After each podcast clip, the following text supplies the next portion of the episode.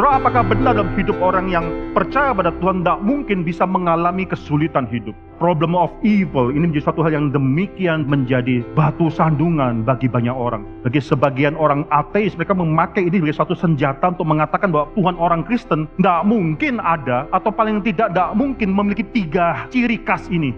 Maha tahu, maha baik, maha kuasa tidak mungkin. Mungkin dua dari tiga, oke. Okay. Mungkin Tuhan maha tahu dan dia maha baik tapi tidak maha kuasa. Dia maha tahu, dia tahu suatu hal akan terjadi. Dia maha baik, dia mau untuk menyelesaikan problema hidup kita. Tapi dia tidak maha kuasa, dia tidak bisa melakukan hal tersebut.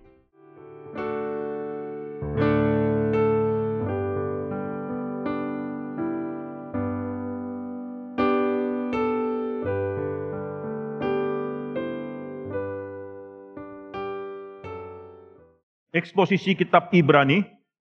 Ini eksposisi yang ke-15. Kita akan melanjutkan pembacaan kitab Ibrani dari pasal yang pertama, ayat yang ke-10 sampai dengan ayat yang ke-12. Dan pada mulanya, ya Tuhan, Engkau telah meletakkan dasar bumi dan langit adalah buatan tanganmu. Semuanya itu akan binasa, tapi Engkau tetap ada dan semuanya itu akan menjadi usang seperti pakaian seperti jubah akan engkau gulungkan mereka, dan seperti persalinan mereka akan diubah. Jadi engkau tetap sama dan tahun-tahunmu tidak berkesudahan. Mari kita sekarang masuk ke dalam doa, kita tundukkan kepala dan kita akan berdoa. Bapa dalam surga kami bersyukur untuk semua firman Tuhan yang sudah bisa kami nikmati, yang bisa kami dapatkan dalam hidup ini. Firman Tuhan yang kekal adalah dasar daripada hidup kami yang sementara. Kami yang sementara, kami yang diciptakan kami yang telah berdosa mengaku di hadapan Tuhan bahwa tidak ada satu apa pun dalam hidup ini yang bisa kami banggakan, yang bisa kami pamerkan ke orang-orang dalam dunia, apalagi di hadapan Tuhan. Hidup kami penuh dengan penderitaan, hidup kami penuh dengan kesulitan. Bukan menunjukkan bahwa kami adalah orang-orang yang sudah ditinggal oleh Tuhan, tapi justru mengingatkan kami bahwa kami harus terus bergantung pada Tuhan. Ya Bapak, di tengah-tengah kami ada orang-orang yang sedang mengalami kesulitan hidup. Ada yang sudah mengalami mungkin penderitaan, ada yang mengalami suatu grief yang demikian dalam. Ada yang mungkin bahkan keluarga yang sangat tidak harmonis, suami dan istri yang mungkin saling merencanakan untuk bercerai. Atau mungkin juga ada kekerasan dalam rumah tangga, penyelewengan dan sebagainya. Orang tua yang tidak lagi bisa mencintai anak-anaknya, anak-anak yang tidak bisa lagi menghormati orang tuanya. Oh Tuhan, kami memang dalam manusia-manusia yang lemah, manusia-manusia yang berdosa. Jadi kalau kami adalah anak-anak Tuhan, kami dikasih oleh Tuhan dan oleh karena itu hajarlah anak-anak Tuhan, didiklah anak-anak Tuhan sebagai seorang ayah mendidik anak-anaknya. Ya Tuhan kami serahkan hidup kami dalam tangan Tuhan, semua yang mungkin kami khawatirkan dalam hidup ini, semua yang mungkin membuat kami lemah dan letih lesu, yang membuat kami akhirnya anxious di hadapan Tuhan. Kami berdoa supaya pada hari ini firman Tuhan bisa menguatkan kami semua. Firman Tuhan bisa sekali lagi memberikan suatu air yang sejuk dalam hati anak-anak Tuhan. Banyak daripada kami yang mungkin merasakan kekeringan pada saat ini. Sekarang berikan kami air yang daripada surga tersebut. Kami serahkan hambamu dalam tangan Tuhan. Berilah hambamu juga firman daripada Tuhan. Supaya pada hari ini bukan kebijaksanaan daripada manusia yang didengarkan oleh anak-anak Tuhan. Tapi suara daripada gembala Tuhan. Suara dari gembala yang akhirnya didengarkan oleh domba-domba Tuhan. Kami serahkan semuanya dalam nama Tuhan Yesus Kristus kami berdoa. Amin. Saudara, kalau masih ingat minggu lalu kita sudah dua minggu ini saudara kita bicara mengenai apa itu natur Tuhan. Bagaimana kita bisa mengetahui apa itu yang baik dan yang jahat. Dan khususnya kalau Alkitab beberapa ayat sebelumnya, saudara-saudara bisa lihat dalam ayat yang ke-9. Natur daripada anak Allah diceritakan sebagai dia yang mencintai yaitu kebenaran. Dia mencintai righteousness, keadilan dan yang membenci kefasikan itulah anak Allah, itulah Allah yang kita sembah. Kita bukan hanya menyembah dia karena suatu keharusan, kita diciptakan, dia adalah pencipta, maka kita harus menyembah dia. Itu memang benar. Tapi orang Kristen lebih daripada itu. Kita mengenal natur dia. Kita mengenal siapa dia. Kita mengenal bagaimana Tuhan itu mencintai keadilan, mencintai kebenaran, dan membenci kefasikan membenci segala dosa, maka di sini kita bukan hanya harus kita menjadi rela di dalam kita menyembah, kita melayani Tuhan seumur hidup ini, Saudara. Selama minggu lalu kita sudah bicara banyak mengenai apa itu righteousness, apa itu kebenaran, apa itu keadilan. Saudara konsep semacam demikian, kebenaran, keadilan, itu tidak lepas daripada pribadi, daripada Allah itu sendiri. Kita bukan sedang bicara mengenai kebenaran seakan-akan suatu standar di luar daripada diri Allah. Suatu hal yang abstrak, lepas daripada diri Allah. Tapi kebenaran yang dimaksudkan di sini adalah kebenaran yang bersangkutan dengan diri Allah itu sendiri. Yang adalah diri Allah itu sendiri. Bahkan kalau kita melihat konsep righteousness di, di kayu sune, di dalam bahasa Greka, di New Testament, di dalam perjanjian baru. Itu tidak bisa dilepaskan dengan konsep sadik atau dalam bahasa Hebrew yang artinya kebenaran di dalam perjanjian lama. Maka di sana saudara itu lebih daripada itu, kebenaran itu menyangkut hubungan relasi antara Tuhan dan umat Tuhan. Khususnya rencana keselamatan Tuhan bagi anak-anak Tuhan. Tidak bisa dilepaskan dari suatu faithfulness, kesetiaan Tuhan terhadap rencananya, terhadap dirinya sendiri yang sudah berjanji kepada umat Tuhan, kepada anak-anak Tuhan. Tidak bisa dilepaskan. Saudara kita menolak dilema yang terjadi dalam dunia filsafat yang mempertanyakan kalau kebenaran apa yang benar, apa yang jatuh di luar diri Tuhan, maka Tuhan adalah Tuhan yang harus tunduk pada kebenaran tersebut. Jadi kalau kebenaran itu adalah kebenaran yang di dalam diri Tuhan, maka seakan Tuhan bisa semena-mena mengatakan apa yang benar dan tidak benar. Tidak. Surat saya sudah katakan minggu lalu suatu doktrin yang sangat penting sekali, yang jarang dikotbahkan, tapi saya percaya ini bukanlah suatu doktrin porsi daripada hanya orang-orang yang sekolah teologi saja. Tapi semua orang Kristen harus mengerti doktrin ini dengan sangat tepat. Itu doktrin mengenai the simplicity of God. Bukan Tuhan itu simple, bukan Tuhan itu bodoh, bukan Tuhan itu gampang dimengerti, tapi Tuhan simple berarti tidak bisa terbagi-bagi. Tuhan bukanlah terdiri dari atau dikompos atau terdiri daripada atribut-atribut yang begitu berbeda-beda. Lain dengan manusia. Manusia terdiri atau dikompos, terbentuk daripada atribut-atribut. Saya bisa memiliki atribut tinggi, tapi saya bukanlah ketinggian tersebut. Saya bisa memiliki konsep kasih, tapi saya bukanlah kasih tersebut. Saya bisa mengerti apa itu yang benar dan apa itu yang jahat, tapi saya bukanlah kebenaran tersebut.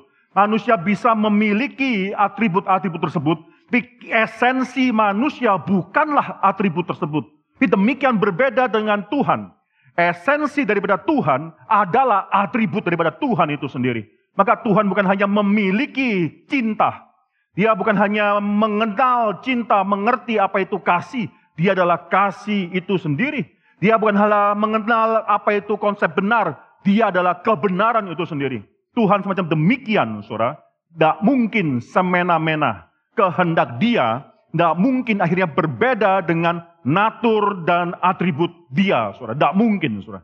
Dia akan mengkehendaki apa yang adalah menjadi natur dia. Dia akan menghendaki semua atribut-atribut tersebut. Maka di sini tepat sekali penulis Ibrani mengatakan anak Allah itu mencintai kebenaran pada saat yang bersamaan pasti membenci kefasikan. Itu suatu hal yang tidak bisa cinta, kasih, itu menjadi sesuatu yang lebih ditonjolkan dalam atribut Tuhan lebih daripada hal yang lainnya. Tidak. Semua satu atribut Tuhan itu menggambarkan keseluruhan daripada atribut Tuhan ini, saudara. Saudara, maka di sini righteousness, sekali lagi saudara, konsep kebenaran, konsep keadilan, itu bukanlah suatu hal yang lepas daripada diri Tuhan. Bukanlah suatu hal yang abstrak. Bukan suatu hal yang lepas daripada apa yang Tuhan rencanakan dalam khususnya konteks keselamatan daripada umat Tuhan. Righteousness, kebenaran, adalah menunjukkan kesetiaan Tuhan terhadap umat Tuhan, terhadap janji Tuhan itu sendiri. Di hadapan Tuhan, bagi Tuhan, righteousness itu berarti kesetiaan. Righteousness itu berarti Tuhan setia kepada janjinya. Khususnya janjinya berkenaan dengan umat Tuhan. Bagi umat Tuhan, sekali lagi konsep righteousness itu bukan satu hal yang independen daripada diri Tuhan. Bagi kita semua, konsep kebenaran itu dikaitkan dengan diri Tuhan, dikaitkan dengan janji Tuhan, dikaitkan dengan kita punya ketaatan di hadapan Tuhan, obedience. Sekali lagi, saudara, righteousness, kebenaran dari sudut pandang Tuhan itu berarti memiliki implikasi kesetiaan Tuhan terhadap dirinya, terhadap janjinya. Righteousness dalam diri anak Tuhan itu berimplikasi obedience, ketaatan di dalam diri anak Tuhan. Saudara melihat kedua hal ini. Faithfulness, kesetiaan Tuhan. Ketaatan manusia. Akhirnya dua-duanya bergabung dalam satu orang. Yaitu Yesus Kristus, saudara. Yesus Kristus faithful, setia, taat sampai mati dan mati di atas kayu salib. Filipi pasal 2 ayat 8 itu menunjukkan manusia sebagai manusia Tuhan taat kepada janji Tuhan tersebut. Dia akhirnya mati sampai mati kayu salib. Tapi justru itu menunjukkan kesetiaan daripada Tuhan sampai anaknya sendiri mati dikorbankan di atas kayu salib, saudara. So righteousness, kebenaran itu bicara mengenai covenantal relationship, hubungan perjanjian antara Allah dan umat Tuhan dan ini hanya bisa akhirnya terjadi di dalam diri Tuhan Yesus. Yang adalah Allah dan manusia. Yang adalah Allah yang setia dan manusia yang taat setaat-taatnya. 100% taat tersebut. Maka di sini saudara, pribadi dan karya Yesus. Sekali lagi dinyatakan dalam beberapa ayat ini saudara. Saudara kalau saudara perhatikan Ibrani pasal 1 ayat 8 sampai 9. Itu mengkutip Mazmur pasal 45 ayat 7 sampai 8 Sekali lagi saya katakan, minggu lalu sudah katakan, Mazmur 45 itu bicara mengenai suatu puji-pujian yang diberikan kepada untuk satu raja yang sedang akan menikah. Raja yang mana yang menikah kita tidak tahu, saudara. Ya sekali lagi, saudara, Mazmur 45 itu adalah royal wedding. Suatu puji-pujian bicara mengenai pernikahan daripada suatu raja. A royal wedding. Tapi di sini, saudara, kalau saudara melihat, walaupun kita tidak tahu siapa raja di dalam keturunan Daud yang pernah mendapatkan puji-pujian tersebut, tapi kita tahu kali ini diaplikasikan kepada Yesus yang adalah keturunan Daud tersebut. Yesus yang akhirnya mendapatkan puji-pujian tersebut. Ini adalah suatu royal wedding, sangat tepat sekali dikutip di sini. Ketika berbicara mengenai righteousness, kebenaran, kita bicara mengenai kebenaran itu janji atau rencana Tuhan atas keselamatan bagi umat-umatnya. Maka di sini saudara-saudara mengetahui kita, kita ini adalah mempelai daripada Kristus. Kita adalah mempelai wanita, mempelai perempuan daripada Kristus yang adalah mempelai laki-laki. Sangat unik sekali penulis Ibrani justru mengutip Mazmur 45 di sini. Yang berbicara mengenai pernikahan seorang raja, saudara. Soal ini sangat unik sekali, saudara. Ini bicara mengenai yaitu righteousness, kesetiaan daripada Tuhan, obedience daripada manusia yang akhirnya menyatu dalam diri Tuhan Yesus dan apa yang dia lakukan itu akhirnya mengakibatkan manusia kita semua umat Tuhan bisa disatukan dengan Kristus. Kita menjadi mempelai wanita daripada Kristus tersebut. Sangat indah sekali. Saudara, hari ini kita akan masuk dalam Ibrani pasal yang pertama ayat 10 sampai ke 12. Kalau saudara pernah sadar, saudara, saya juga pernah khotbahkan, ini dikutip daripada Mazmur. Mazmur pasal 100 yang kedua. Dan hari ini saudara saya akan mencoba mengupas apa isi dari Mazmur pasal 100 yang kedua itu. Nanti ini sangat berkaitan sekali dengan apa yang sedang dikatakan oleh penulis Ibrani di sini. Coba kita buka Mazmur. Mazmur 100 kedua, kita akan membaca ke 29 ayatnya secara bertanggapan. Doa seorang sengsara, seorang yang menderita, afflicted, pada waktu ia lemah lesu dan mencurahkan pengaduannya ke hadapan Tuhan. Dua.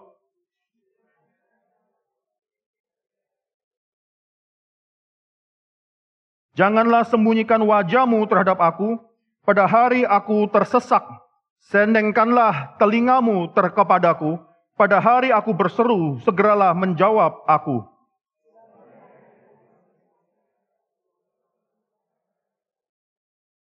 Hatiku terpukul dan layu seperti rumput, sehingga aku lupa makan rotiku.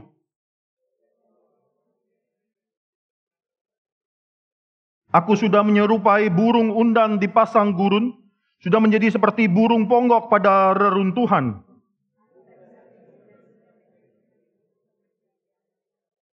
Sepanjang hari aku dicela oleh musuh-musuhku, orang-orang yang mempermainkan aku menyumpah dengan menyebut namaku.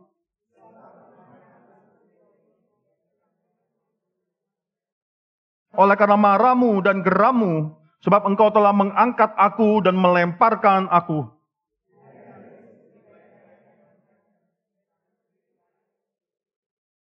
Tapi engkau ya Tuhan bersemayam untuk selama-lamanya dan namamu tetap turun-temurun.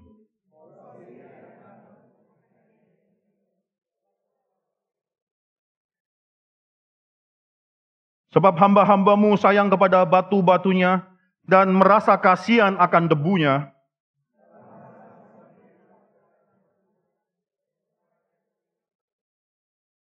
Bila Tuhan sudah membangun Sion, sudah menampakkan diri dalam kemuliaannya,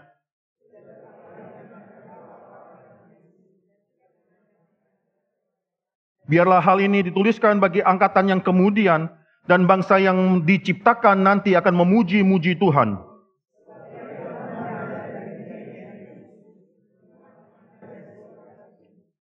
Untuk mendengar keluhan orang tahanan, untuk membebaskan orang-orang yang ditentukan mati dibunuh.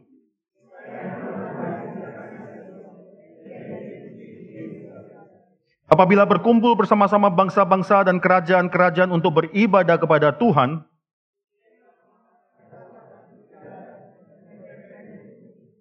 Aku berkata, ya Allahku, janganlah mengambil aku pada pertengahan umurku.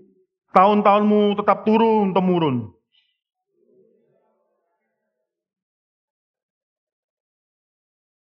Semuanya itu akan binasa, tetapi engkau tetap ada dan semuanya itu akan menjadi usang seperti pakaian.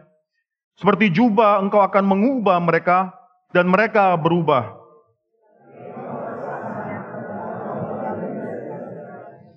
Anak hamba-hambamu akan diam dengan tentram dan anak cucu mereka akan tetap ada di hadapanmu. Saudara ini adalah yang dikutip yaitu ayat yang ke-26, 27 itu dikutip di dalam Ibrani saudara. Saudara bisa melihat Mazmur 102 ini tidak ada yang tahu siapa yang menuliskan Mazmur ini. Siapa penulis Mazmur ini tidak dikatakan. Kita tidak pernah tahu siapa yang menuliskan Mazmur ini, saudara. Tapi satu hal yang pasti adalah suatu hal yang bisa kita lihat dalam ayat yang pertama. Mazmur ini ditulis oleh seseorang yang akhirnya mengalami sengsara di dalam hidupnya. Mazmur ditulis oleh seorang yang akhirnya merasakan penderitaan di dalam hidupnya. Dan akhirnya dia datang kepada Tuhan dan dia akhirnya berkeluh kesah kepada Tuhan. Dia menghadap kepada Tuhan, menceritakan semua pergumulannya, saudara. Dia berkeluh kesah kepada Tuhan. Maka di sini saudara saya akan mengajarkan kita mengenai beberapa hal khususnya hari ini saya bicara mengenai penderitaan. Karena ini nanti dikutip oleh Ibrani dan akan sangat penting sekali menceritakan mengenai siapa Kristus dan apa yang dia lakukan Saudara, hal yang pertama yang kita bisa pelajari mengenai penderitaan adalah suatu fakta bahwa orang percaya, orang yang benar, itu bisa mengalami penderitaan dalam hidup ini. Seorang yang percaya, seorang yang benar itu bisa merasakan dan mendapatkan segala kesulitan hidup, penderitaan hidup, sengsara. Bahkan dikatakan dalam ayat yang satu doa seseorang yang sengsara yang menderita. Pada waktu yang terendah, pada waktu dia lemah, lesu, dia mencurahkan pengaduannya, dia mengadu ke hadapan Tuhan. Maka hal yang pertama kita pelajari, orang benar. Saudara bisa melihat penulis Mazmur, walaupun kita tidak tahu siapa yang menuliskan Mazmur 102 ini, saudara. Dia mengenal dengan benar siapa Tuhan. Kita akan coba bahas sedikit nanti. So, dia sangat memberikan, sangat memiliki pengenalan yang benar mengenai siapa Tuhan. Tapi orang benar ini adalah orang yang juga akhirnya menderita So ada sekelompok orang Kristen yang mengatakan bahwa orang Kristen itu tidak mungkin bisa menderita. Ada sebagian denominasi Kristen yang mengatakan bahwa orang Kristen tidak bisa menderita. Orang Kristen tidak mungkin karena orang Kristen adalah anak raja. Kita adalah anak raja, kita hidup seperti raja. Tapi tidak demikian, saudara. So, saya pernah mengalami atau memiliki seorang teman. Seorang teman ini, saudara, tahun lalu mengalami suatu, ini teman yang sudah saya kenal sejak SMP sampai SMA. Terus setelah SMA kita putus atau kita tidak pernah bertemu lagi, kita ketemu kembali di Facebook, saudara. Dan dia mengalami suatu kesulitan dalam hidup bagaimana istri yang dikasihi itu akhirnya meninggal dunia karena cancer. Dia istri tersebut meninggalkan dua anaknya juga, saudara itu keluarga yang mengalami suatu kesulitan yang demikian demikian sulit sekali. Saudara, dia cerita, menceritakan di Facebook, saya cuma bisa mengikuti bagaimana dia menceritakan segala keluh kesahnya di Facebook tersebut, saudara. Tapi kemarin, saudara, pagi ini saya mendapatkan suatu berita di WhatsApp grup SMA kami, bagaimana dia mengatakan dia begitu mungkin menyesal atau kecewa dengan pendeta-pendeta yang akhirnya memberikan pada dia suatu janji-janji yang kosong. Bahwa engkau pasti akan sembuh bahwa engkau pasti akan sembuh. Itu terus diberitakan ketika istrinya sudah sakit, semakin lama semakin melorot, terus menderitakan atau mendoakan mengenai kesembuhan, bukannya mempersiapkan dia, anak-anak dia, menerima suatu fakta bahwa kemungkinan sangat mungkin sekali istrinya tidak akan sembuh. Bahwa dia pasti akan mati suatu hari dan akhirnya memang mati. Bahkan dia katakan, saudara, saya sangat kecewa sekali khususnya pada satu orang pendeta. Jangan kasih tahu nama pendetanya. Pada seorang pendeta yang demikian ekstrim. Yang datang ketika di rumah sakit datang. Bukannya menghibur malah akhirnya memberikan dampak yang lainnya. Malah menekan keluarga tersebut.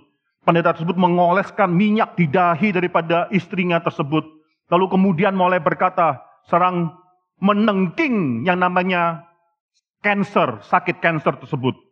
Keluar kamu, cancer maksudnya. Keluar cancer, keluar kamu. Kamu tidak seharusnya ada pada diri seorang anak Tuhan. Keluar. Setelah itu dia, setelah dia berdoa, saudara, setelah dia berdoa, dia bertanya mana suaminya.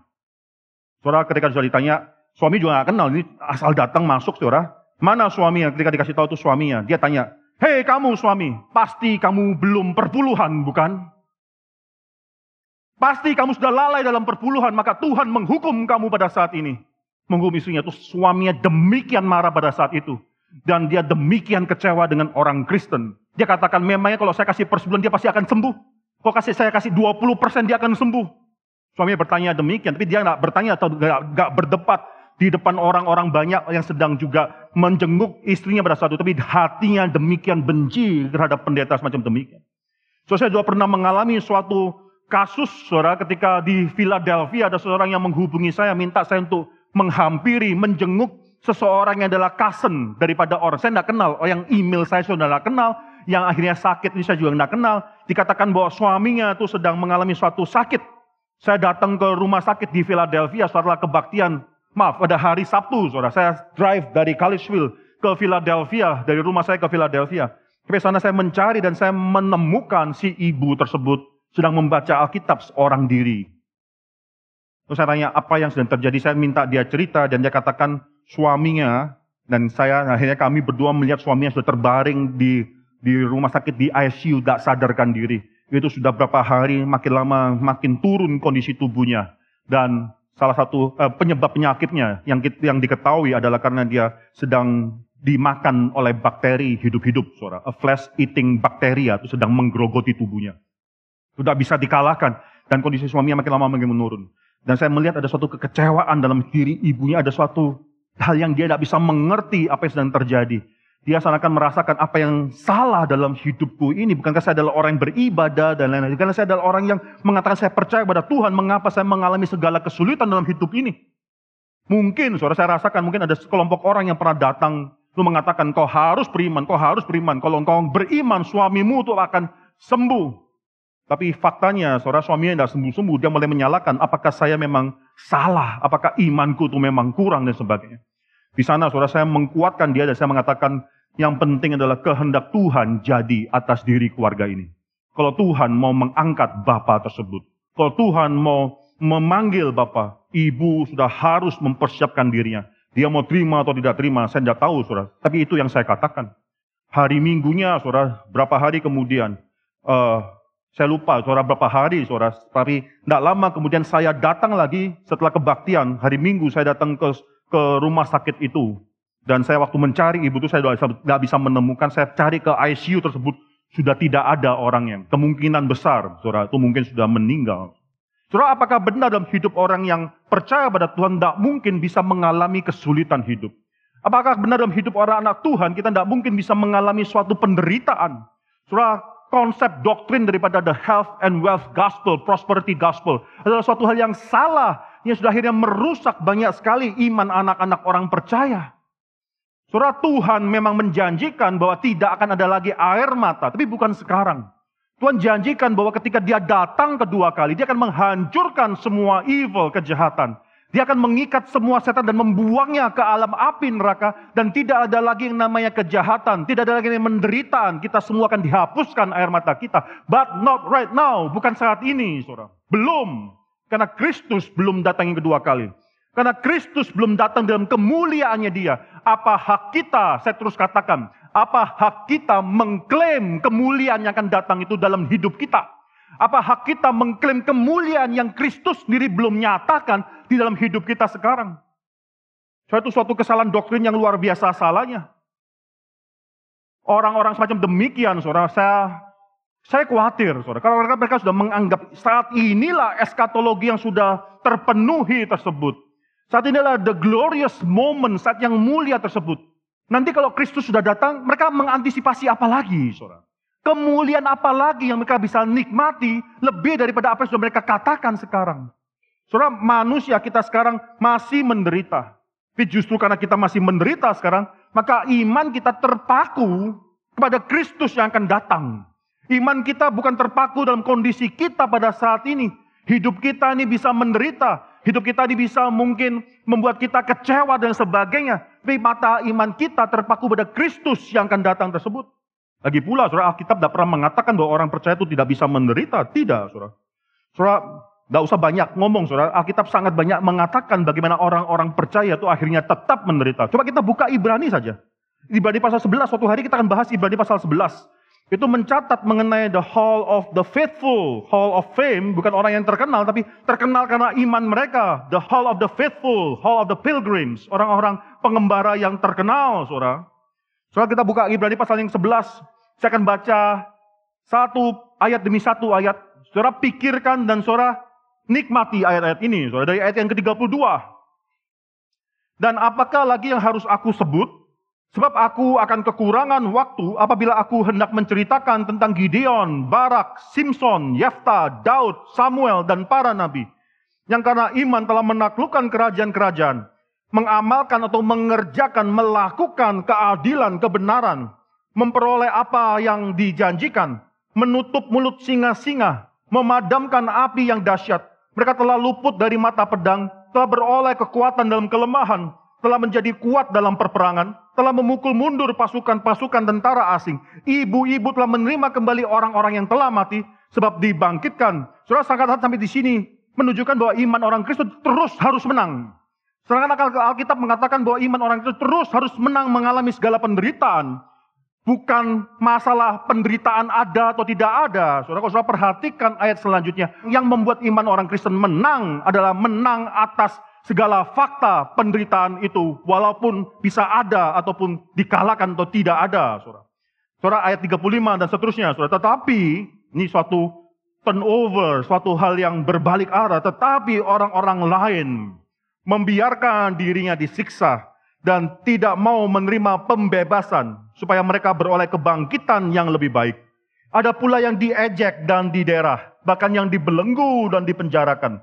Mereka dilempari, digergaji, dibunuh dengan pedang. Mereka mengembara dengan berpakaian kulit domba dan kulit kambing sambil menderita kekurangan, kesesakan, dan siksaan. Dunia ini tidak layak bagi mereka. Mereka pengembara di padang gurun dan di pegunungan dalam gua-gua dan celah-celah gunung. Tuhan tidak pernah menjanjikan bahwa ketika kita menjadi orang Kristen, kita akan lepas daripada segala kesesakan hidup, segala kesulitan hidup. Bisa saja Tuhan lakukan hal itu, tapi tidak harus. Ibrani pasal 11 menceritakan bagaimana ada sekelompok orang yang menang terhadap segala penderitaan tersebut. Artinya dalam arti semua itu dikalahkan, mereka bisa merasakan bagaimana mereka diluputkan daripada kematian dan sebagainya. Tapi ada juga yang menang atas penderitaan, tapi dengan mereka tidak diluputkan dari penderitaan tersebut. Mereka harus mati, harus menderita, bahkan digergaji dan lain sebagainya. Saudara tidak demikian, saudara. Iman orang Kristen bukanlah suatu iman yang simple, Bahkan kalau saudara masih ingat khotbah saya yang pertama dalam kitab Ibrani ini, saya mengatakan bahwa pengkhotbah atau penulis kitab Ibrani sedang menuliskan kepada sekelompok orang yang sedang dan yang akan akan mengalami penderitaan sehingga penulis Ibrani memperingatkan mereka, janganlah engkau mundur karena penderitaanmu. Janganlah engkau akhirnya meninggalkan Kristus karena penderitaanmu. Janganlah engkau melepaskan matamu daripada menatap Kristus yang demikian tinggi hanya karena engkau mengalami penderitaan tersebut. Tapi fokuskanlah matamu pada Kristus, the supreme Christ, yang sudah mengalahkan segala sesuatu. Yang akhirnya lebih tinggi daripada segala sesuatu. Dia adalah worthy of our worship. Dia layak untuk kita sembah selama-lamanya. Inilah inti berita daripada penulis kitab Ibrani. Tidak mungkin saudara penulis Alkitab mengatakan bahwa orang Kristen itu lepas, pasti dijamin lepas daripada semua penderitaan. Tidak mungkin, tidak. Hal itu tidak benar dikatakan di sini. Maka di sini health and wealth gospel, prosperity gospel, itu membawa suatu bidat di dalam kekristenan. Saya anggap mereka bukanlah kekristenan. Anggap mereka adalah orang-orang bidat yang tidak mengerti, tidak memfokuskan siapa Kristus tersebut. Coba perhatikan lagi dalam Mazmur 102. Coba kita buka Mazmur 102 ini, saudara. Mazmur 102 sekali lagi. Ini orang benar yang mengalami penderitaan. Dia yang sangat mengenal siapa Tuhan mereka. Siapa Tuhan dia? Justru dia mengalami penderitaan, sengsara, bahkan menaikkan doa ini pada saat dia sangat lemah, lesu di hadapan Tuhan. Sekali lagi soal hal yang pertama yang kita bisa pelajari daripada Mazmur 102 ini adalah suatu fakta bahwa orang benar, orang yang percaya anak Tuhan bisa mengalami penderitaan, bisa mengalami sengsara dalam hidupnya. Hal yang kedua yang kita bisa pelajari di sini, bukan hanya mengalami sengsara dalam hidupnya, orang yang benar bahkan bisa merasakan kesengsaraan tersebut, bisa merasakan kesulitan tersebut. Orang yang benar bahkan bisa berduka dan lain sebagainya. Saudara, pada suatu hari ketika seorang hamba Tuhan kita pernah menghadiri uh, kebaktian penghiburan daripada seorang yang baru kehilangan suaminya, si istri tersebut lalu mengatakan bahwa saya hari ini tidak akan berduka. Saya hari ini tidak akan menunjukkan bahwa saya berduka kepada semua orang yang lewat. Dia tidak menangis sama sekali. Dia mengatakan saya tidak berduka. Ketika orang lain mengatakan turut berduka ya bu, dia katakan saya tidak berduka. Saya tidak berduka. Soalnya saya rasa itu adalah suatu hal yang aneh dan itu tidak lumrah, saudara. Alkitab tidak pernah mengajarkan bahwa orang Kristen setelah mendapatkan mengenal Kristus, tiba-tiba emosinya hilang. Alkitab tidak pernah mengajar bahwa seorang yang sudah mendapatkan Kristus tiba-tiba tidak lagi bisa merasakan bahwa ada sakit ada sengsara, ada penderitaan, ada kesedihan dalam hidup ini. Tidak. Alkitab tidak pernah mengajarkan itu. Bahkan dalam 1 Tesalonika 4 ayat 13, di sana Paulus katakan, aku mau engkau tahu satu hal, bahwa mereka itu bukan mati. Bahwa mereka yang mati itu bukan mati selama-lamanya, mereka sedang tidur sehingga engkau tidak berduka. Sebagaimana orang dunia berduka, mereka yang tidak memiliki pengharapan tersebut. Aku mau engkau mengenal satu hal, bahwa engkau tidak berduka sebagaimana orang dunia berduka. Saudara perhatikan di sini, saudara. Berapa ayat yang kita bisa baca tadi di dalam Mazmur 102 menunjukkan bagaimana pemazmur di sini yang menyanyikan atau yang sedang berdoa kepada Tuhan ini benar-benar merasakan suatu kepahitan dalam hidup, merasakan duka dalam hidup ini. Pastor 102 ayat keempat. Sebab hari-hariku habis seperti asap. Tulang-tulangku membara seperti perapian. Dia merasakan demikian sakit. Dia merasakan demikian real penderitaan tersebut. Dia merasakan hari-harinya tuh sekarang sudah tidak ada artinya. Seperti asap yang sudah naik. Dia merasakan demikian merasakan sakit di dalam penderitaannya dia tersebut. Ayat yang ke-10 misalnya saudara. Sebab aku makan abu seperti roti. Roti yang dia makan itu seperti dia makan abu. Tidak ada rasanya. Dia seperti sedang makan abu dalam penderitaan tersebut. Bahkan, saudara lihat, Minumannya tercampur dengan tangisan. Minumannya sudah tercampur dengan tangisan. Itulah hidup orang yang demikian menderita. Sudah bisa merasakan dalam puisi yang dia tuliskan betapa dalamnya orang ini yang sedang menderita ini, saudara. Ayat yang ke-12, saudara. Hari-hariku seperti bayang-bayang memanjang. Apa maksudnya bayang-bayang memanjang? Bayang-bayang memanjang itu bayang-bayang pada sore hari. Ketika matahari sudah mulai turun, saudara. Itu bayang-bayang mulai memanjang. Maksudnya apa? Penderitanya itu sudah lama. Penderitaan yang dia rasakan sudah demikian lama, bayang-bayang demikian memanjang. Bahkan dikatakan di sana, aku sendiri layu seperti rumput. Rumput yang telah menerima terik matahari dari pagi sampai sore, sudah mulai layu. Dia mengatakan bahwa penderitaan dia sudah demikian panjang. Aku hari-hariku seperti bayang-bayang yang memanjang tersebut, saudara.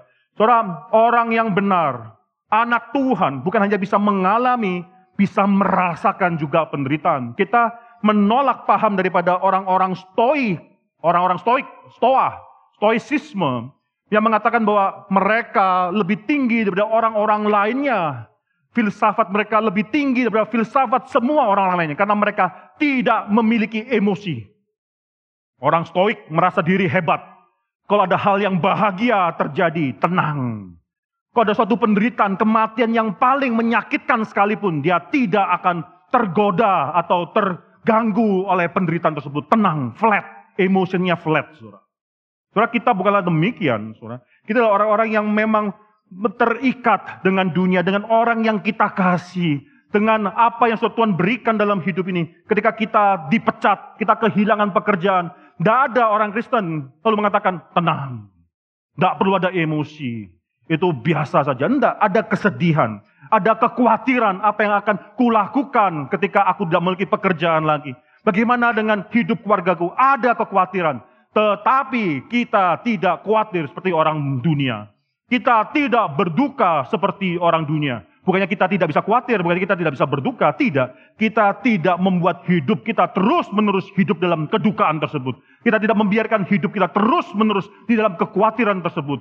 Kita tidak membiarkan hidup kita terus-menerus di dalam ketakutan atas uncertainty. Karena kita akan dilepaskan dengan mengetahui satu hal. Mata kita dipakukan kepada Kristus dan janji-janji Kristus. Satu hal yang sangat penting ya saudara. Sekali lagi saudara-saudara bisa melihat dalam Mazmur pasal 102 ini itu bukan hanya orang ini, orang benar ini mengalami penderitaan, tapi merasakan demikian beratnya penderitaan tersebut. Hal yang ketiga, yang saya akan pakai waktu lebih banyak untuk menjelaskan hal ini, saudara. Setelah kita mengalami, setelah kita merasakan segala kesulitan hidup, kita harus bertanya, what to do about it? Lalu bagaimana? What are we going to do about it? Lalu kita harus bagaimana? So di sini saudara ada dua respons yang salah di dalam diri orang Kristen mengenai hal ini. Yang pertama, saudara mereka mengatakan bahwa Tuhan tidak berkuasa melakukan apa pun di dalam hidupku, dalam memberhentikan segala masalah hidup yang kualami. Respon yang kedua, mungkin kita akan merasakan apa yang kita alami sama sekali tidak ada hubungannya dengan Tuhan. Saudara, dua-dua hal ini adalah hal yang salah. Saudara saya akan kutip dari hal yang pertama atau kita akan jelaskan hal yang pertama yang salah ini. Tuhan tidak ada tidak berkuasa melakukan apa-apa. Saudara di dalam filsafat, dalam dunia filsafat ada suatu problem. Orang filosof selalu buat problem, saudara ya. Dilema lah, problem lah, selalu mereka membuat problem. Tapi kekristenan menjawab semua problem tersebut. Dalam dunia filsafat, saudara ada problem yang namanya the problem of evil. Problem daripada kejahatan, saudara. Saudara khususnya kalau kita mengerti siapa Tuhan itu, dan kita melihat ada kejahatan dalam dunia ini, bagaimana kita bisa merekonsiliasikan kedua hal ini? Jahatan, kejahatan itu ada, dan Tuhan itu ada. Bagaimana kita bisa merekonsiliasikan kedua hal ini? Apalagi saudara di dalam konsep orang Kristen, ada tiga hal besar yang kita imani saudara, bahwa Tuhan adalah Tuhan yang maha kuasa, omnipotent. Bahwa Tuhan itu adalah Tuhan yang maha kuasa. Kedua, Tuhan itu adalah Tuhan yang maha baik, omnibenevolent. Tuhan yang sangat baik, yang maha baik. Dan yang ketiga, Tuhan adalah Tuhan yang maha tahu, omniscient. Tuhan yang maha tahu, tahu segala sesuatu. Kalau Tuhan adalah maha kuasa, Tuhan adalah maha baik, Tuhan adalah maha tahu, pertanyaan adalah mengapa kejahatan itu masih ada? Mengapa evil itu masih ada? Mengapa anak-anak Tuhan masih bisa merasakan kejahatan evil dalam dunia ini? Bukankah Tuhan yang maha baik adalah Tuhan yang mampu akhirnya dan mau untuk menyelesaikan semua kejahatan. Sekali lagi saudara, kalau Tuhan itu adalah Tuhan yang maha baik, pasti Tuhan itu mau di dalam menyelesaikan semua kejahatan. Kalau Tuhan itu adalah Tuhan yang maha kuasa, pasti dia bisa, mampu di dalam menyelesaikan semua kejahatan. Sekali lagi, Tuhan yang maha baik pasti mau, karena dia baik. Dia pasti mau menyelesaikan segala kejahatan, segala problema hidup daripada anak-anak Tuhan. Tuhan yang Maha Kuasa adalah Tuhan yang pasti bisa, karena Dia Maha Kuasa, Dia pasti bisa menyelesaikan semua problema hidup daripada anak-anak Tuhan. Kalau Tuhan itu Maha tahu, Dia pasti tahu sebelum problema hidup itu terjadi. Sebelum suatu evil itu hadir. Tuhan tahu evil itu akan ada. Dia pasti akan bisa melakukan sesuatu. So beberapa tahun yang lalu, saudara, ketika saya uh, baru belajar filsafat di Calvin College, mengambil kelas filsafat. Lalu salah satu teman baik saya di Malang, saudara, sudah lama kami menjadi teman baik. Ya, sudah lama kami menjadi teman baik. Itu mamanya, ibunya, itu baru kehilangan suaminya secara mendadak. Ketika mereka liburan, saudara, mereka naik jet ski, naik jet ski main di sana. Tiba-tiba jet ski papanya tabrakan dengan jet ski orang lain dan tidak lama kemudian papanya meninggal on the spot dibawa ke pantai sudah meninggal. So di sana saudara itu ibu demikian menangis Demikian menangis, terus menangis. Dia menaik, mengapa? Pertanyaan dia terus adalah, mengapa? Mengapa kok Tuhan biarkan? Tuhan tahu itu sudah akan terjadi. Kenapa Tuhan biarkan? Mengapa Tuhan biarkan suami yang ku sayangi tersebut, yang ku cintai tersebut akhir tabrakan? Bukankah Tuhan sudah tahu? Kalau Tuhan sudah tahu, mengapa Tuhan tidak rintangi? Bukankah Tuhan maha kuasa? Kenapa Tuhan tidak merintangi? Kalau Tuhan baik, kenapa Tuhan tidak jaga pada saat itu? Itu menjadi suatu pertanyaan-pertanyaan. Orang itu, saudara, waktu itu kami datang ke Malang, saya dengan papa saya dengan Pak Tong datang ke Malang, di kamar dia bertemu dengan Pak Tong. Saya mendengarkan diskusi dia. Bagi saya ini seakan menjadi cuma diskusi filsafat saja. Saudara. Ya saya pikir, wah ini saya bisa jawab gampang. Saya bilang, wah saya langsung menyela. Saudara. Sok, orang yang baru belajar memang sok. Saudara, ya. Saya bilang, oh gampang. Coba pikirkan. Saya pikirkan. Kalau Tuhan tahu sesuatu, ya, kalau Tuhan tahu sesuatu, kalau Tuhan merintangi hal tersebut supaya nggak terjadi, Lalu Tuhan tahu apa? Saya lagi saudara ya. Kalau Tuhan tahu sesuatu akan terjadi, lalu Tuhan merintangi hal tersebut supaya tidak terjadi, lalu apa yang Tuhan ketahui? Suatu hal yang tidak pernah terjadi. Lalu Tuhan tahu suatu hal yang kosong. Saya katakan demikian. Lalu papa saya senyum, patong senyum. Si istri atau ibu daripada teman baik saya tersebut juga senyum. Lalu mengatakan, wah David pinter ya. Tapi tidak menjawab problema hidup saya. Suara ini menjadi satu hal yang saya suara problem of evil ini menjadi satu hal yang demikian demikian menjadi batu sandungan bagi banyak orang. Bagi sebagian orang ateis mereka memakai ini sebagai satu senjata untuk mengatakan bahwa orang Kristen, Tuhan orang Kristen tidak mungkin ada atau paling tidak tidak mungkin memiliki tiga ciri khas ini. Maha tahu, maha baik, maha kuasa, tidak mungkin. Mungkin dua dari tiga, oke. Okay. Mungkin Tuhan maha tahu dan dia maha baik tapi tidak maha kuasa. Dia maha tahu, dia tahu suatu hal akan terjadi. Dia maha baik, dia mau untuk menyelesaikan problema hidup kita. Tapi dia tidak maha kuasa, dia tidak bisa melakukan hal tersebut. Atau mungkin dia maha kuasa dan maha tahu. Dia maha tahu, dia mengetahui sesuatu akan terjadi. Dia maha kuasa, dia bisa menghentikan hal yang jelek itu terjadi dalam hidup kita. Tapi dia nggak maha baik, dia tidak mau melakukan hal tersebut. Atau mungkin dia bisa saja maha baik dan maha kuasa. Option yang terakhir, saudara. Dia bisa saja maha baik. Mau. Dia bisa saja maha kuasa. Dia mampu. Tapi dia nggak tahu ketika evil itu akan terjadi. Sehingga evil terjadi. Either way, saudara, fakta bahwa evil, satu hal yang jelek terjadi dalam hidup kita menunjukkan bahwa Tuhan tidak berdaya melakukan apa pun dalam hidup ini. Saudara, orang-orang ateis menggunakan hal ini untuk menyerang kekristenan. Tapi saudara, problem terbesar bukan daripada orang-orang ateis. Banyak orang Kristen setelah mengalami suatu evil dalam hidup dia, akhirnya meninggalkan Tuhan.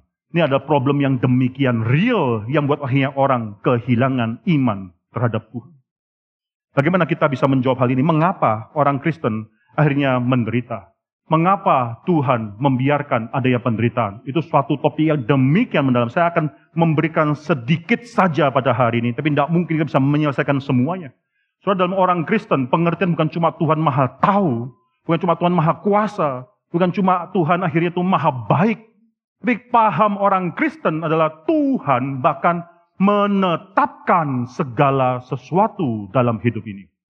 Soalnya waktu kita mendengarkan kalimat itu, kita tuh demikian akhirnya gentar di depan Tuhan. Tuhan bukan cuma maha tahu mengenai apa yang terjadi di masa depan. Bahkan Tuhan yang mengarahkan sejarah tersebut. Coba kita baca satu ayat yang demikian penting. Saudara banyak orang yang mencoba untuk memoles ayat ini, mencoba mengartikan ayat ini, tapi akhirnya berbeda, menjadi satu hal yang berbeda secara teologi dengan apa yang dikatakan oleh Alkitab, saudara. Yesaya pasal 45. Saya baca dari ayat yang ke-6, bagian terakhir dan ayat yang ke-7. Akulah Tuhan dan tidak ada yang lain, yang menjadikan terang dan menciptakan gelap, yang menjadikan nasib mujur dan menciptakan nasib malang. Akulah Tuhan yang membuat semuanya ini. I form light and create darkness. I make well-being and create calamity. I am the Lord who does all these things. Saudara. Saudara, di sini saudara kita harus mengerti suatu hal yang lebih mendalam mengenai Tuhan. Bukannya Tuhan sengaja berbuat jahat dalam hidup kita, tidak mungkin. Minggu lalu saya sudah spend demikian banyak waktu untuk bicara mengenai natur Tuhan tersebut. Bahwa Tuhan itu adalah Tuhan yang simple, Tuhan yang tidak mungkin terbagi. Terbagi-bagi, Tuhan bukanlah menghendaki sesuatu yang berlainan dengan naturnya, tidak mungkin. Dua minggu yang lalu saya sudah kutip beberapa ayat Alkitab, saudara. Misalnya dari bilangan pasal 23 ayat 19. Tuhan katakan, aku bukan manusia sehingga aku harus berbohong. Dalam Yakobus pasal 1 ayat 13, di sana dikatakan apabila seorang dicobai, janganlah ia berkata bahwa dia pencobaan tersebut datang dari Allah. Sebab Allah tidak dapat dicobai oleh yang jahat dan ia sendiri tidak mencobai. Maka di sini, saudara, kita bisa mengetahui bukan Tuhan ketika kita mengatakan segala sesuatu datang daripada Tuhan. Bukannya Tuhan sengaja merancang kejahatan tersebut. Tidak. Tapi segala sesuatu datang karena semua berada di bawah kedaulatan Tuhan. Pengakuan iman Westminster, saudara, pasal yang ketiga, putri yang pertama, mengatakan suatu kalimat yang penting. Saya coba terjemahkan. Saya bisa cari di Google, saya coba terjemahkan dalam bahasa Indonesia. Tuhan dari kekekalan telah melalui rencananya sendiri yang paling bijaksana dan kudus secara bebas dan tidak dapat berubah menetapkan segala sesuatu yang telah lewat. Namun Tuhan bukanlah perancang daripada dosa maupun kehendak bebas daripada semua ciptaannya dibatalkan. Sekali lagi, saudara, ini dalam bahasa Indonesia, ya, translation terjemahan saya, Tuhan dari kekekalan telah melalui rencananya sendiri yang paling bijaksana dan kudus secara bebas dan tidak dapat berubah, menetapkan segala sesuatu yang telah lewat. Namun Tuhan bukanlah perancang dosa dan kehendak bebas daripada manusia itu tidak dilanggar atau menjadi hilang. Saudara, suatu hari kita akan banyak bicara mengenai suatu topik yang demikian penting. Saya percaya, saudara, ini topik harus dibicarakan.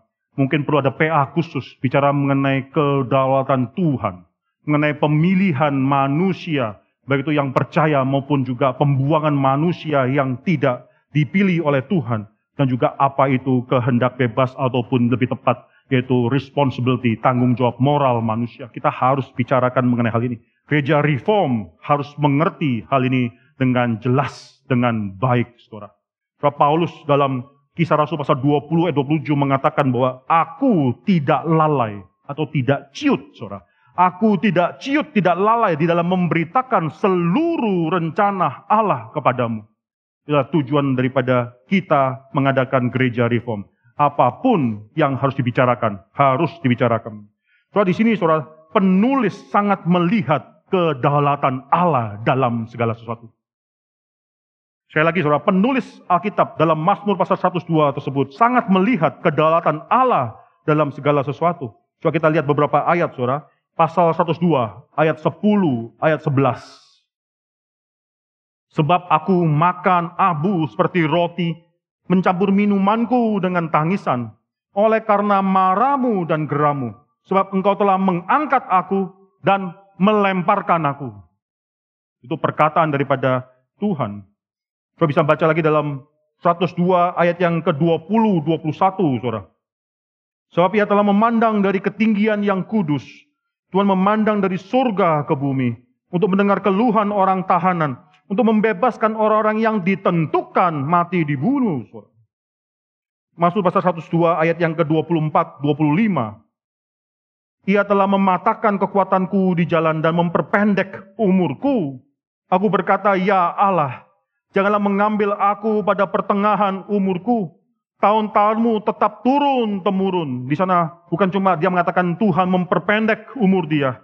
Bahkan dia mengatakan, oh Tuhan jangan mengambil aku pada pertengahan umurku. Dia melihat bahwa segala umur pun ada di dalam tangan Tuhan. Mazmur pasal 102 ayat 27, nanti ini dikutip sekali lagi dalam Ibrani yang sudah kita baca, Ibrani pasal yang pertama. Saya baca dari 26, saudara. Dahulu sudah kau letakkan dasar bumi, dan langit adalah buatan tanganmu, semuanya itu yang sudah diletakkan, semua yang sudah diciptakan tersebut akan binasa, tetapi engkau tetap ada. Semuanya itu akan menjadi usang seperti pakaian, seperti jubah, engkau akan mengubah mereka. Atau dalam Ibrani akan menggulung baju tersebut dan mereka akan berubah. Saudara penulis Mazmur di sini, walaupun dia menderita, dia mengetahui bahwa Tuhan adalah Tuhan yang berdaulat atas segala sesuatu. Saudara saya rasa kita, saudara, mendapatkan suatu hiburan ketika kita mengetahui bahwa segala penderitaan kita apa pun itu tidak lepas daripada kedaulatan Tuhan. Dan kalau kita mengetahui natur Tuhan yang baik, tidak mungkin Tuhan merencanakan sesuatu yang jahat bagi kita. Sedalatan Tuhan adalah kedaulatan Tuhan yang baik bagi kita. Karena dulu saya pernah berbicara kepada seseorang, seorang pendeta juga, yang baru kehilangan papanya. Dia baru kehilangan orang tua, papanya yang dicintai tersebut. Saya katakan David, kita harus bersyukur satu hal. Bahwa kita percaya bahwa Tuhan itu berdaulat dalam segala sesuatu. Bahwa tidak ada satupun yang terjadi di luar rencana daripada Tuhan. Bayangkan, ketika kita mengalami kematian orang yang kita kasihi, lalu kita tidak memiliki doktrin ini.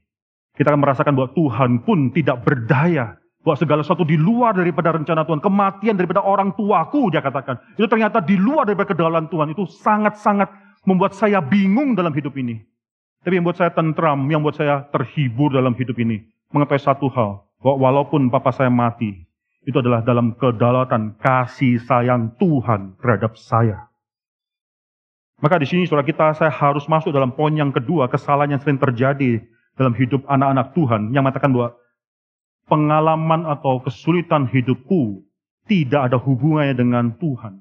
Banyak orang yang mengatakan doktrinnya baik, tapi secara personal, saya tidak bisa mengenal Tuhan. Doktrinnya mengatakan Tuhan menetapkan segala sesuatu. Tuhan akhirnya berdaulat atas segala sesuatu. Tidak ada segala sesuatu yang bisa terjadi di luar daripada rencana Tuhan, daripada kedaulatan Tuhan. Bahkan dia bisa mengatakan suatu hal. Tuhan sudah mengetahui apa yang kurasakan pada saat ini. Tuhan maha tahu, dia tahu apa yang kurasakan sebelum aku berdoa pada Tuhan. Dia sudah tahu apa yang kurasakan. Lalu ketika kita akhirnya mengalami segala kesulitan hidup, kita tidak datang kepada Tuhan. Karena apa? Bukankah segala sesuatu itu ada dalam rencana Tuhan? Bukankah segala sesuatu itu ada di dalam kedaulatan Tuhan? Bukankah Tuhan juga sudah mengetahui apa yang kurasakan? Lalu mengapa harus datang di hadapan Tuhan? Saudara sampai di sini, saudara-saudara bisa melihat sering kali dalam doktrin kita, kita menjadikan, mempersamakan Tuhan yang berdaulat dengan takdir. Kesalahan terbesar yang pernah kita lakukan sebagai orang reform mempercayai Tuhan yang berdolat dan mempersamakan akhirnya mer, bahkan merendahkan Tuhan, menjadikan Tuhan hanya sama dengan takdir. Saudara menulis daripada Mazmur di sini, demikian indah ketika dia tahu Tuhan itu berdaulat, bahkan segala sesuatu yang terjadi dalam hidup dia itu karena di dalam kehendak, di dalam rencana, dalam kedaulatan Tuhan, tapi dia datang kepada Tuhan. Dia datang dalam Tuhan, dan dia memberikan keluh kesah kepada Tuhan. Kalau saya rasa, saudara, salah satu skill yang sudah hilang dalam diri banyak orang Kristen adalah skill meratap di hadapan Tuhan. Kita sudah jarang meratap di hadapan Tuhan. Saudara tahu ya arti kata ratap ya. Saudara ada buku yang namanya buku ratapan. Saudara, saya pernah ke Israel. Lalu di sana ada satu tembok yang katanya adalah tetap tembok yang pernah ada sampai kaitannya dengan tembok yang pernah didirikan oleh Salomo, saudara. Di sana ada tembok namanya Wailing Wall, tembok ratapan. Di sana mereka berdiri dalam tembok, berdoa kepada Tuhan mereka. Mereka mencucurkan air mata, mereka meratap di sana, dan mereka menuliskan sesuatu, saudara. Lalu mereka taruh, mereka lipat tulisan uh, kertas tersebut, dan mereka sempilkan dalam celah-celah batu tersebut. Mereka masukkan. Tidak ada orang yang melihat, kecuali Tuhan dan mereka. Tidak ada orang yang berani mengambil dan membaca kira-kira orang itu dinulis apa. Tidak ada. Itu adalah suatu hal yang rahasia antara orang tersebut dengan Tuhan. Terus saya melihat hal tersebut memang agak ekstrim, kita merasa agak ekstrim. Tapi kita, saya rasa, kita sudah terlalu dingin dalam hidup ini. Sehingga kita cuma bisa meminta pada Tuhan. Minta berkat pada Tuhan. Tapi kalau kita sengsara, menderita, kita tidak memiliki kemampuan untuk akhirnya berkeluh kesah di hadapan Tuhan. Maka di sini saudara sangat unik sekali penulis daripada kitab Mazmur di sini. Dia mengalami segitu banyak penderitaan. Dia tahu Tuhan itu berdaulat. Tapi dia datang kepada Tuhan untuk berkeluh kesah. Ada orang yang mengatakan kalau Tuhan itu berdaulat atas segala sesuatu. Mengapa kita harus berdoa? Bukankah Tuhan sudah berdaulat atas segala sesuatu? Mengapa kita masih harus datang ke diri Tuhan untuk berdoa? Saya katakan satu kalimat, saudara. Kalau Tuhan tidak berdaulat atas segala sesuatu, mengapa kita berdoa kepada Tuhan yang tidak berdaulat? Sekali lagi, justru kalau Tuhan tidak berdaulat atas segala sesuatu, mengapa kita harus datang ke hadirat Tuhan? Maka hal yang ketiga yang sudah bisa pelajari, kalau kita sudah mengalami, merasakan apa yang harus kita lakukan, malah penulis Mazmur di sini justru mengetahui satu hal, Tuhan yang berdaulat, Tuhan yang di mana bisa mendengarkan keluh kesah dia. Tapi hal yang keempat yang saudara harus pegang di sini adalah suatu pengertian bahwa ketika kita berhadapan dengan Tuhan, kita bukan hanya sedang berkeluh kesah di hadapan Tuhan. Seorang yang beriman tidak datang dalam kehadapan Tuhan dan berhenti hanya berkeluh kesah di hadapan Tuhan. Seorang beriman bisa mengalami kesulitan hidup, bisa merasakan penderitaan tersebut, bisa datang kepada Tuhan dan berkeluh kesah kepada Tuhan, tetapi tidak berhenti di sana. Yang membedakan kita dengan orang yang tidak beriman adalah kita tidak berhenti dengan keluh kesah di hadapan Tuhan. Mazmur pasal 102, ini dibagi menjadi dua tahap, saudara. Ayat yang pertama sampai dengan ayat ke-12 itu bicara mengenai keluh kesah dia. Tapi dalam ayat yang ke-13 itu ada suatu perputaran. Di sana dikatakan, tetapi engkau ya Tuhan. Ini suatu hal yang indah. Dia mengatakan hidupnya itu sementara, hidupnya mengalami kepahitan, hidupnya mengalami ini dan itu dan sebanyak. Dia mengatakan bahwa dia itu seperti bayang-bayang yang memanjang pada hari sore. Dia itu habis seperti asap. Oh dikatakan bahwa bagaimana dia merasakan bahwa dia tuh makan abu itu seperti roti, makanannya tuh roti itu seperti abu, minumannya sudah tercampur dengan tangisannya, tetapi dia tidak berhenti dalam penderitaannya dia. Dia berputar dalam ayat ke-13. Tetapi engkau ya Tuhan bersemayam untuk selama-lamanya dan namamu tetap turun-temurun dan seterusnya. Sampai dalam ayat yang ke-26, 27 yang akhirnya dikutip di dalam Ibrani. Dahulu sudah kau letakkan dasar bumi dan langit adalah buatan tanganmu. Semuanya itu akan binasa, tapi engkau tetap ada. Semuanya itu akan menjadi usang seperti pakaian. Ini kesementaraan, semua itu sementara. Seperti jubah, engkau akan mengubah mereka. Atau seperti baju akan digulung oleh Tuhan. Dan mereka berubah, tetapi engkau tetap sama. Tahun-tahunmu tidak berkesudahan. Saudara, yang membedakan orang beriman dengan orang tidak beriman adalah ketika kita mengalami kesulitan, kita berkeluh kesah, kita menceritakan kepada Tuhan betapa sulitnya hidup ini. Tapi akhirnya tidak berhenti di sana. Melihat kebesaran Tuhan pada akhir dalam semua keluh kesah kita. Melihat bagaimana Tuhan demikian agung. Bahwa Tuhan, uh, Tuhan yang tidak mungkin berubah. Bahwa semua hidup kita itu bisa berubah. Tapi mata rohani kita tertuju kepada Tuhan yang tidak mungkin bisa berubah. Dalam hidup saya, dalam hidup keluarga kami, kami pernah mengalami kematian. Saya pernah ceritakan hal ini. Saya pernah katakan bahwa yang mati dalam keluarga daripada Stephen Tong bukan yang paling tua terlebih dahulu. Bersyukur bukan yang paling tua. Yang mati justru dalam keluarga pada Stephen Tong. Dia anak cucu, justru anak yang paling muda yang meninggal ketika berumur tiga setengah bulan. Saudara itu menjadi satu hal yang demikian pahit dalam hidup kami. Saya sendiri tidak bisa, saudara terus terang saya bisa katakan sangat sulit sekali bisa bersyukur pada saat itu. Saya baca Alkitab, kalau Alkitab yang saya baca Mazmur, bersyukurlah kepada Tuhan. Saya katakan, Tuhan bagaimana bisa? How is it possible? Saya demikian sakit pada saat ini, saya tidak bisa bersyukur pada Tuhan. I'm grieving. Saya sedang berduka, tapi saya berdoa sama Tuhan, ajar saya bisa berduka dengan baik, bukan seperti orang dunia berduka. Dan Tuhan akhirnya memang membuat saya, keluarga kami, setapak demi setapak duka tersebut diangkat. Kalau kami harus membawa jenazah tersebut, jenazah yang kecil, seorang orang tua tidak seharusnya menguburkan anaknya sendiri, apalagi anaknya masih kecil. Kami melihat anak tersebut, lalu kami bawa pulang sampai ke Indonesia, dan kami akhirnya menguburkan. Lalu kami kembali ke Amerika. Tidak lama kemudian, tidak sampai dua minggu kemudian, papa mertua saya meninggal. Papa mertua saya meninggal. Waktu salah satu anak kami pagi hari itu, saya kasih tahu, Gunggung sudah meninggal. Lalu langsung keluar satu kalimat dari mulut anak tersebut. Kenapa Tuhan demikian jahat? Why is God so cruel? Baru saja saya merasakan meninggalnya seorang yang adik yang saya kasihi. Sekarang Gunggung juga meninggal. Kenapa Tuhan so cruel? Saudara, kita bisa berkeluh kesah di hadapan Tuhan. Tetapi saya katakan juga kepada anak saya tersebut, jangan berhenti dalam berkeluh kesah. Dalam semua keluh kesah kita, mari kita melihat Tuhan yang lebih besar daripada segala kesementaraan hidup kita ini. Tuhan yang akhirnya menjadi Tuhan atas sejarah. Dan kalau saudara terus mendengarkan khotbah selama berapa minggu terakhir ini, natur Tuhan, Tuhan adalah kebaikannya itu sendiri. Tidak ada Tuhan tidak perlu standar di luar Tuhan untuk menentukan apa yang baik dan apa yang jahat. Justru Tuhan adalah kebaikan itu sendiri. Tuhan adalah kasih itu sendiri. Tuhan adalah kebenaran itu sendiri.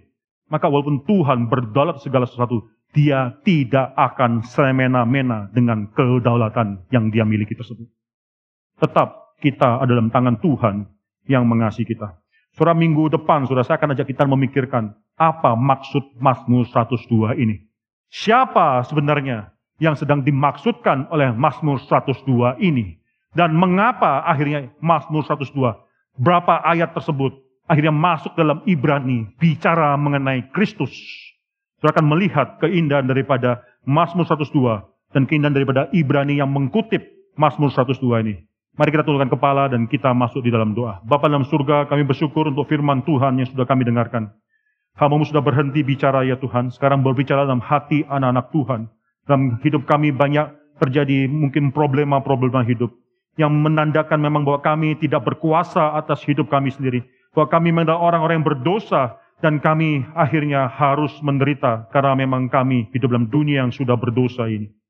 Bapak, tapi biarkanlah mata kami tertuju kepada apa yang sudah dilakukan oleh Kristus dan apa yang sudah dijanjikan oleh Allah, oleh Engkau sendiri bagi kami ya Tuhan. Jangan biarkan kami hidup di dunia ini dan akhirnya dihancurkan, terguncang oleh ombak dunia ini. Jadi mata rohani kami terus terpaku pada Kristus dan kemuliaan yang akan datang. Kami serahkan semuanya dan setelah lagi kami akan masuk dalam perjamuan kudus. Ketika kami mengenang apa yang sudah Kristus lakukan bagi kami semua. Kiranya kami diberikan satu hati yang segar, mengetahui bahwa kami dikasih oleh Kristus, dan oleh karena itu kami mengasihi Kristus. Jangan biarkan kami jatuh dalam pergumulan hidup kami. Pikirnya perjamuan kudus ini mengingatkan kami sendiri pada kasih Kristus. Dalam nama Tuhan Yesus Kristus kami berdoa. Amin. thank you